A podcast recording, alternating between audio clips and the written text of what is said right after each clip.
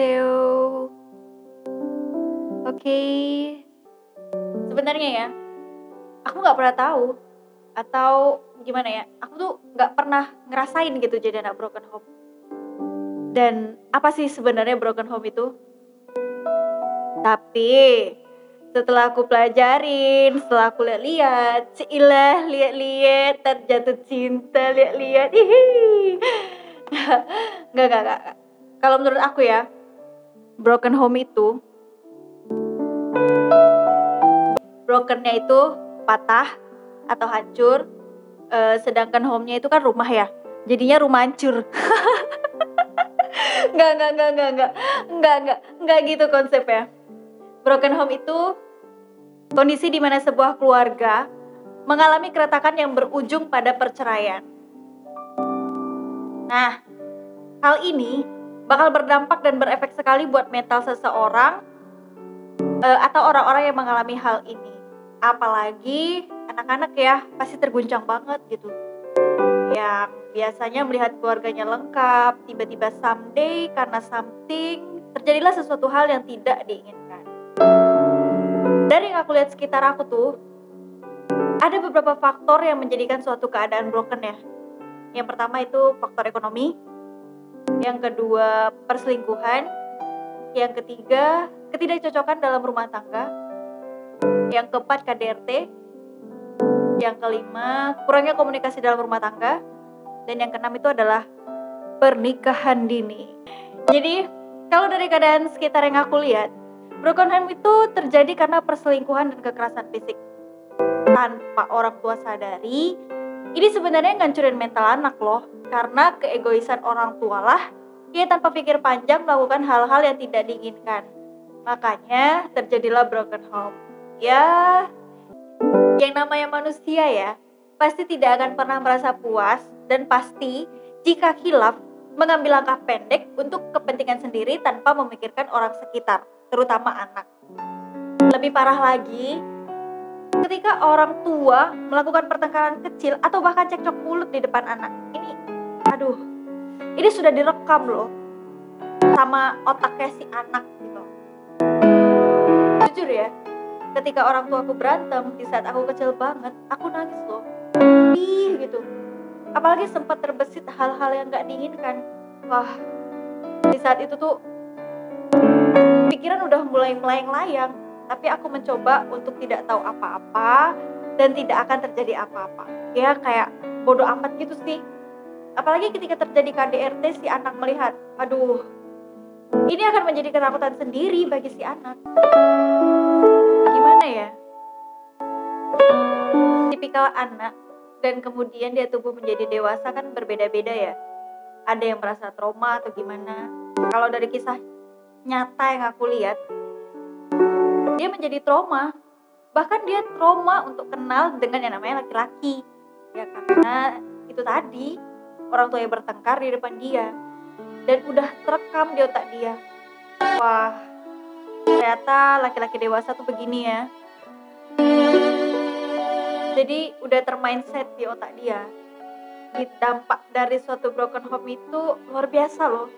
Si anak bisa jadi pemalu, pendiam, minder, takut, kehilangan tujuan hidup, nggak percaya dengan lawan jenis, sibuk nyari perhatian sana sini, bahkan ada yang melakukan hal-hal menyimpang gitu. Fakta yang aku lihat dari pelakuan menyimpang ini karena dia butuh seseorang yang bisa mengayomi dia, melindungi dia. Karena dari kecil dia tidak merasakan hal itu. Makanya ketika dewasa, dia mencari sosok yang seperti itu. Selain itu, fakta yang aku temui dari seorang broken home adalah dia selalu mencari perhatian kasih sayang dari orang-orang sekitar atau bahkan dia rela jadi orang lain agar disenangin sama orang sekitar. Maksudnya, oh, dia tidak menjadi diri dia sendiri agar disukai orang sekitar. Nggak pede gitu sama apa yang dia punya. Ada yang lebih parah lagi nih. Ketika menjadi korban broken home, yang paling susah untuk dihindari yaitu si anak tersebut kenal dengan dunia yang nggak beres, dunia gelap gitu karena udah terlanjur tergabung dalam lingkungan yang salah. Akhirnya membawa dia ke tempat yang salah dan menyebabkan kerusakan di diri dia, merugikan dia sendiri, baik secara fisik maupun psikis. Mungkin masih banyak lagi korban dari broken home ini. Nggak melulu broken home ini berdampak buruk untuk yang menjalaninya. Masih ada sisi-sisi positif yang bisa kita ambil dari sebuah broken home. Bahkan bisa jadi lebih kuat daripada orang-orang di luar sana. Bisa jadi tegar. Broken home bukan menjadi suatu penghalang untuk sebuah mimpi kan? Hey, life must go on. Itu hanya sebuah kisah di masa lalu, sebuah kisah di masa lampau. Jadikan kepahitan di dalam kehidupan akan berbuah manis di ke depan. Ada tips nih untuk mereka anak korban broken home yang ingin memulai suatu hubungan. Yang pertama, kuatkan tekad untuk menjalani masa yang lebih baik. Yang kedua, jika sudah terlanjur masuk ke dunia gelap, kamu harus segera keluar dari sana. Cari teman yang baru, atau kalau memungkinkan cari lingkungan yang baru yang lebih positif. Yang bisa kasih kamu pencerahan sedikit demi sedikit. Karena kalau tekadmu sudah kuat, semesta akan memudahkan kamu mengikuti petunjuknya. Yang ketiga, mulai perbaiki hubungan dengan diri sendiri dulu. Tanamkan bahwa apa pun yang sudah terjadi itu memang sudah menjadi takdirnya yang harus terjadi. Yang keempat, perbaiki hubungan dengan orang tua.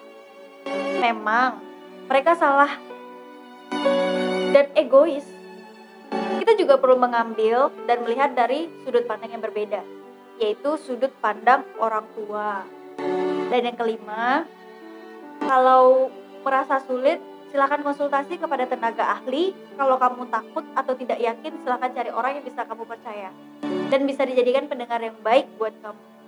Yang keenam, terima apa yang sudah terjadi. Memang sudah menjadi bagian dari takdir hidupmu.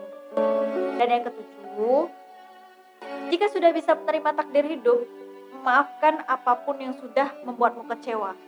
Bakalan susah, pelan-pelan, kamu pasti bisa. Yang kedelapan, kurangin pikiran buruk tentang orang lain. Kasih kesempatan kepada mereka yang mencoba untuk menunjukkan ketulusannya sama kamu. Percayalah, segala hal buruk yang terjadi, baik hari ini dan kemarin, akan menjadi kenangan yang bakal kamu ingat dan bahkan bisa menjadikanmu jauh lebih kuat untuk bangkit. Bangun walau sulit, karena hari esok yang indah telah menantimu di sana.